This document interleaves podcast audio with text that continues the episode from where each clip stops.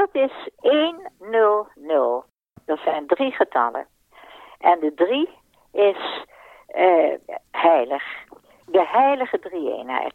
De één staat bovenaan, dat is het goddelijke. En de twee nullen zijn Gokma en Bina, het vrouwelijke Ja. en het mannelijke. Hier is Hanengekraai door Luc Drosten met Elisabeth Bierens de Haan.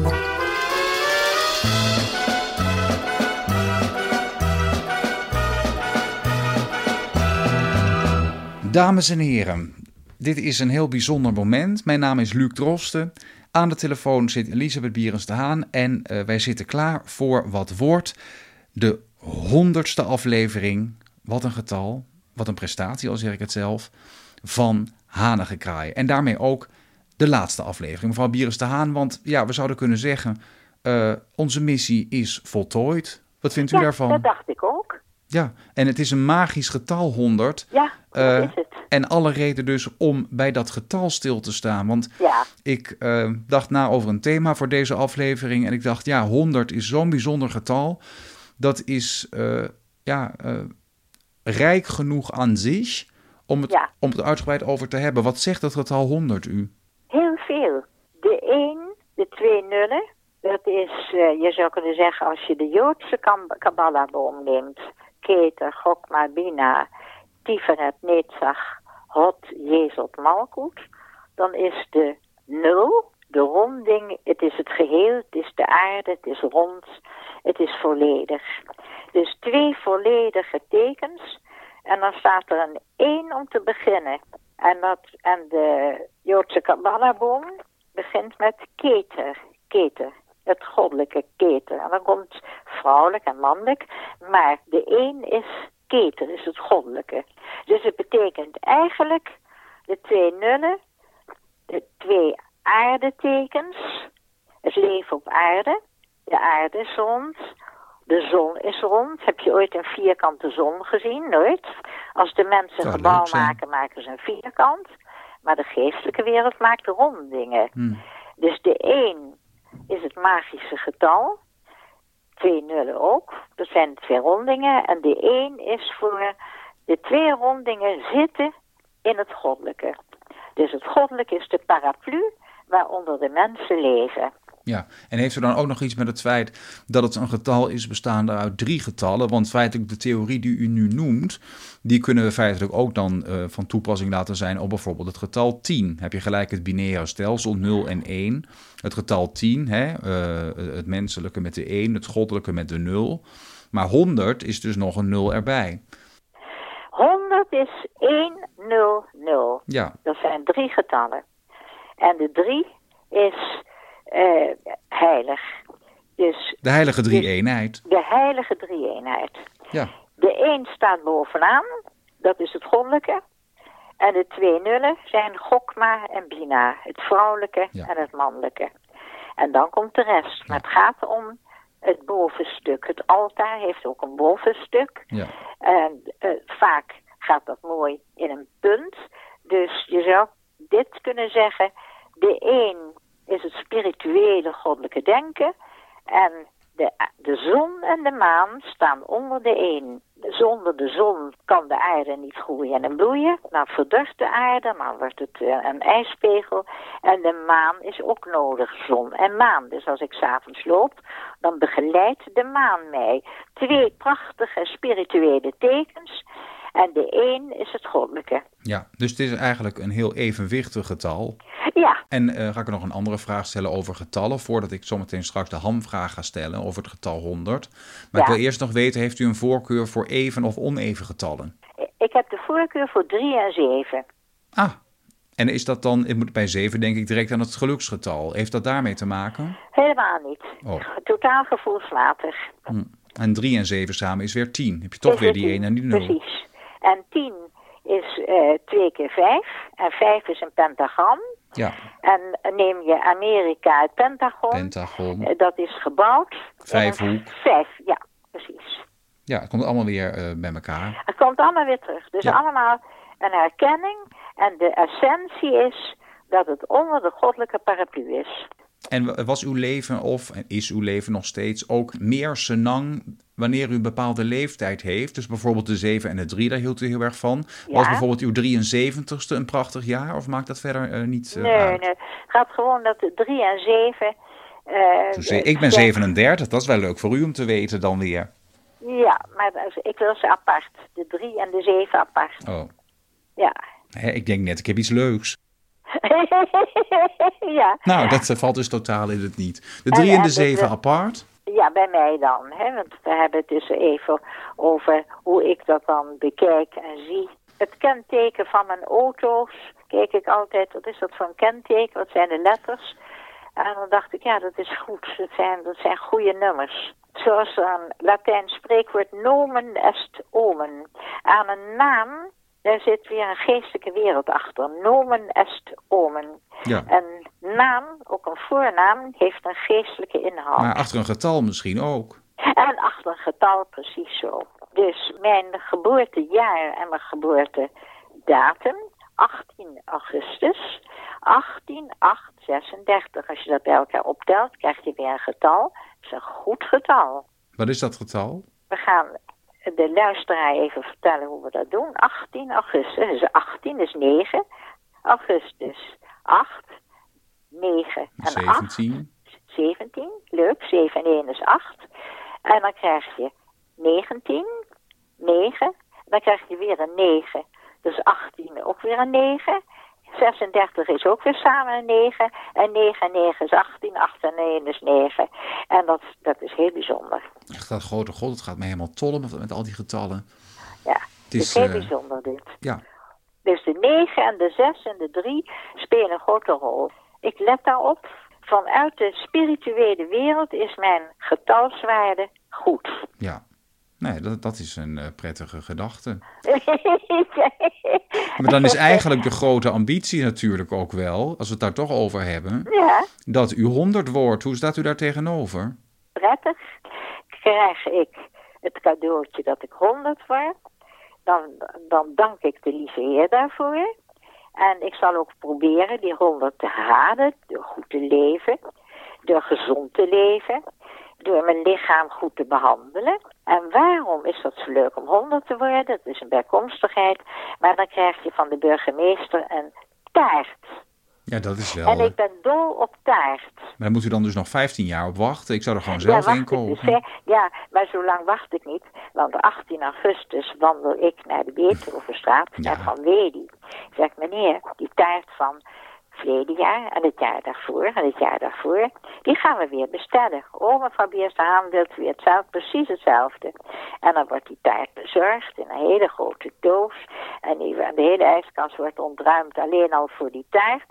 Dus een verjaardag vind ik niet omdat de visite komt tot enig en je krijgt bloemetjes en plantjes.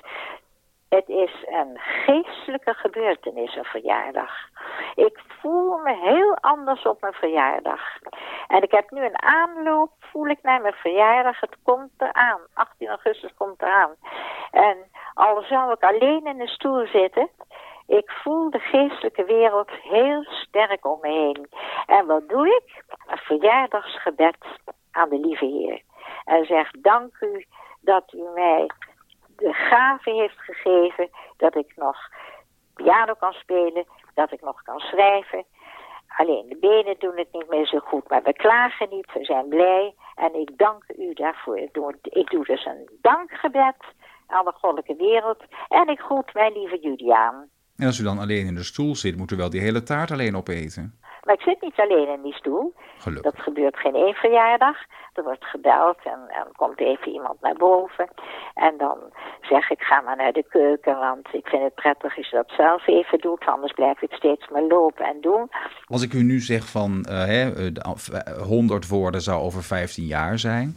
Ehm, wat zijn dan eh, nog de ambities voor die komende 15 jaar? Of misschien een simpele vraag: wat is uw ambitie bijvoorbeeld voor het komend jaar? U zegt bijvoorbeeld dat u ook met een roman bezig bent. Ja. Kunt u daar wat meer over vertellen? Nee, dat, dat is, Oh. eh, blijft een, een geheim. Dat vind ik ook leuk. En dat, dat is een, een, een roman waar ik rustig aan werk.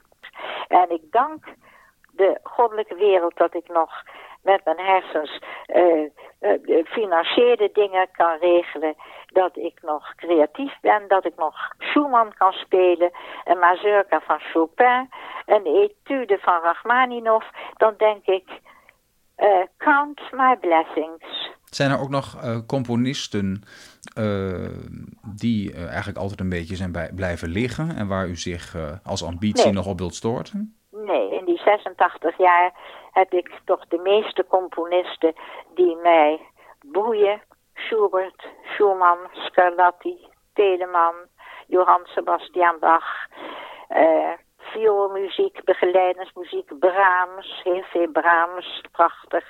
Nee, en als ik dan op uh, 613 uh, Stingray, wat een vreselijke naam, Stingray, maar ik kijk er veel naar en dan zie ik een pianiste uit uh, Portugal. Prachtig speelden ze. En Beethoven-sonaten, die zoek ik dan onmiddellijk op. En dan denk ik, jeetje mina, wat een prachtige sonate. Ik ben nog steeds bezig met vernieuwingen, laat ik het zo stellen. Wat een ontzettend heerlijk idee. Um, en ik, misschien ook een, een reden ja, voor andere mensen om daarmee te beginnen, omdat het waarschijnlijk jong houdt. Ja, en dat is zeker zo. En uh, als uh, oudere mensen gaan klagen van ik ben alleen en mijn zoon komt niet en mijn dochter zit in China en, en mijn vriend zit in Portugal. Dat gezeur zal je bij mij niet meemaken. Elke dag, het is half acht, dan doe ik een zonnegoed. Dan ga ik naar mijn dakterras en dan loop ik dat trapje, is een klein trapje, loop ik op. Doe ik het raam open en dan doe ik een zonnegoed. Het wonder van de aarde als je naar een varken kijkt, je kijkt naar een lieve heersbeestje, je kijkt naar een spin, je kijkt naar een spinnenweb. Laten de mensen meer kijken naar zulke dingen dan de hele dag met hun ogen gericht op de apps en de iPads. Zou zeggen, las een half uurtje in, dat is heel weinig. Maar las wat tijd in om doodgewoon naar de wolkenlucht te kijken. En dan kom ik bij Goethe. Die keek smiddags, had hij de rust en, en ook de tijd tussen zijn gedichten door en al zijn werk wat hij deed, keek hij naar de lucht en dan kon hij in de, de formaties van de wolken kon hij voorspellen wat er gebeurde in de wereld. Hij was een ziener. Hij verbond zich met de wolken. Maar ik zie nu ook wolken en dan denk ik, nou, dat is een wolk, er zit water in en dat plenst naar beneden. Ik ga even naar de weerman kijken. Ja, ik kijk ook naar de weerman, maar ik zet hem heel gauw af. Ik kijk naar mijn wolken. En wat zeggen die wolken mij? Die zeggen het gaat helemaal niet onweren. Het is rustig weer, het is kalm. Het is een beetje bedekt. Maar dat verhaal gisteren van uh, onweer en de totale veranderen. Niets daarvan. Dat komt misschien morgen. Maar nu is het heel mooi. Het is een roze licht. Kijk. Kijk zelf met je eigen ogen. Dan kom je weer bij Griekenland en dan loopt Socrates met Plato in Athene. En dan filosoferen ze en dan zegt Socrates, de mensen hebben ogen en ze zien niks. En ze hebben een neus en ze ruiken niks. Ze hebben een mond en ze proeven niks. En in het Grieks krijg je dit. Du flos tato taton tenun tato matei. Mevrouw Niers de Haan, weet u dat ik uh, enorm uh, een, een, een déjà vu ervaar op dit moment. En uh, het is, vind het heel bijzonder, want het is een soort cirkelvertelling. ja. Want wat u mij zojuist heeft verteld, niet alleen over het oude Griekenland, maar ook over Goethe en over het, uh, het nemen van een half uur bezinning, Ja. heeft u mij, als ik mij niet vergis, dan kom ik toch weer terug op het thema van vandaag, namelijk uh, het slot, maar heeft u mij ook verteld in onze allereerste aflevering. Vindt u dat niet bijzonder? Heel bijzonder. Het is alsof de cirkel rond is. Wat krankzinnig. Wat is dit idioot. Kijk, dat is weer de magie van iets. Je ziet het niet, maar het is er. Ja, het, wordt een soort, um, hoe moet ik het zeggen, een, een, een, terugblik hier nu ineens. Als u nou terugdenkt inderdaad naar die, die honderd keer dat we met elkaar hebben gesproken de afgelopen Ja. jaren. Zijn er Ja. dan bepaalde onderwerpen die u het meest zijn bijgebleven? Of is u iets anders bijgebleven aan het contact tussen ons? Nou, eh, vooral het leuke contact dat wij hadden. Ja, En eh, jij eh, wat meer rationeel. De, de, mannelijke kant, het gokma, ik het bina, het vrouwelijke. Prachtige combinatie. We hebben onderwerpen gedaan waar mensen wat aan hebben. En wij gooien de knuppel in het hoenderhok, patsboom. En dan kijken we van wat voor reacties geeft dat. En dat vind ik zo leuk. Jij anticipeerde prachtig op mijn spontane uh, podcasten. Het is uh, toch ook weer een soort yin-yang verhouding dan. Een yin-yang verhouding, dat zeg je heel goed. Ja. En, en uh, wat de toekomst brengen mogen, mij geleid des heren hand. Hoe vind je dit, hè? Wat een prachtige slogan. Dat is wat wij voelen en wat ik voel en wat jij voelt. Het gaat erom dat de mens de diepte ingaat en dat hij zich afvraagt, waarom leef ik eigenlijk? Ja. Wat, is, wat is de bedoeling daarvan? Om God te dienen. Zo. Zo. Dan weten we dat ook. Ja, toch, toch nog even die kans gegrepen om dat er nog één keer weer door te drukken. Hoppa. We hebben elkaar gediend. We hebben elkaar aangevuld. Uh, we hebben, uh, vind ik, bijzonder uiteenlopende onderwerpen gehad. Zeker. En ik denk er met plezier aan terug. En ik wil toch nog even ook tegen de luisteraar enigszins toelichten waarom wij een, een, een einde breien aan de serie Hanige Kraai. En het heeft onder andere te maken met eigen ambities van mijn kant, waardoor ik keuzes moet maken. Het heeft te maken met een wat onzekere eh, toekomst van Amsterdam FM. En uh, ja, soms groeien die dingen zo. En uh, wanneer en of wij eventueel terugkomen. Het is precies wat mevrouw Bierens de Haan, wat u net zei, inderdaad. Het ligt in de hand van het hogere. Savoir, c'est tout comprendre. En jij gaat prachtig promoveren. Dat is heel mooi, want je bent zeer veelzijdig. Ik heb gaan, mijn muziek ik en ik heb ook mijn dingen. Ik schrijf. Dus van beide kanten hebben we voldoende te doen. Wat de toekomst brengen mogen mij geleid des Heren hand. Mevrouw Bieres de Haan, ik vind het een prachtig slotwoord. En lieve Luc, hartelijk dank. En ik ben ook zo blij dat, eh, dat we de mogelijkheid hebben gehad om dit te doen. Wij hebben een programma gehad waar je de stilte, behalve onze stemmen, ook de stilte kon horen van de inhoud van de podcast. Mevrouw Bierstaan, ik wil u heel erg bedanken voor 100 afleveringen aan inspirerende gesprekken. En dat is wederzijds, Luc. Mevrouw Bierstaan, wilt u zelf nog u richten tot de luisteraar? Ja, waarachtig. Dat ik de luisteraar bedank dat hij de moeite heeft genomen om naar onze stemmen te luisteren. Want dat is heel bijzonder dat je vandaag nog, ja, je kan zo kunnen zeggen, gewoon netjes Nederlands hoort praten is, het is er niet meer, het is weg. En wij hebben geprobeerd om datgene wat men ouderwets noemt, om dat weer samen met de podcast, de inhoud van de podcast te illustreren met een mooi stemmengeluid. Ja, en het leuke is, uh, ondanks het feit dat inderdaad uh, het stemgeluid dat u zo graag hoort in het straatbeeld amper nog uh, opduikt, als mensen deze aflevering nou daadwerkelijk ervaren als een cirkelvertelling, dan kunnen ze volgende week gewoon zelf weer bij aflevering 1 beginnen. En dan houdt het nooit meer op. dat deed je een mobile. Precies. Ja. laat, dat, laat dat misschien een hoopvolle afsluiter zijn. Ja. Mevrouw Bierenstaan, dank u wel. Het gaat je goed. U ook. En we zouden we zeggen tot ziens, tot horens, tot het oneindige. Ja, en vooral dat tot horens, dat is toch een opmerking zeer uh, fonosoof waardig, zou ik zeggen. Uh, dank je zeer. En dank voor je mooie stem. En uh, we gaan de eter uit.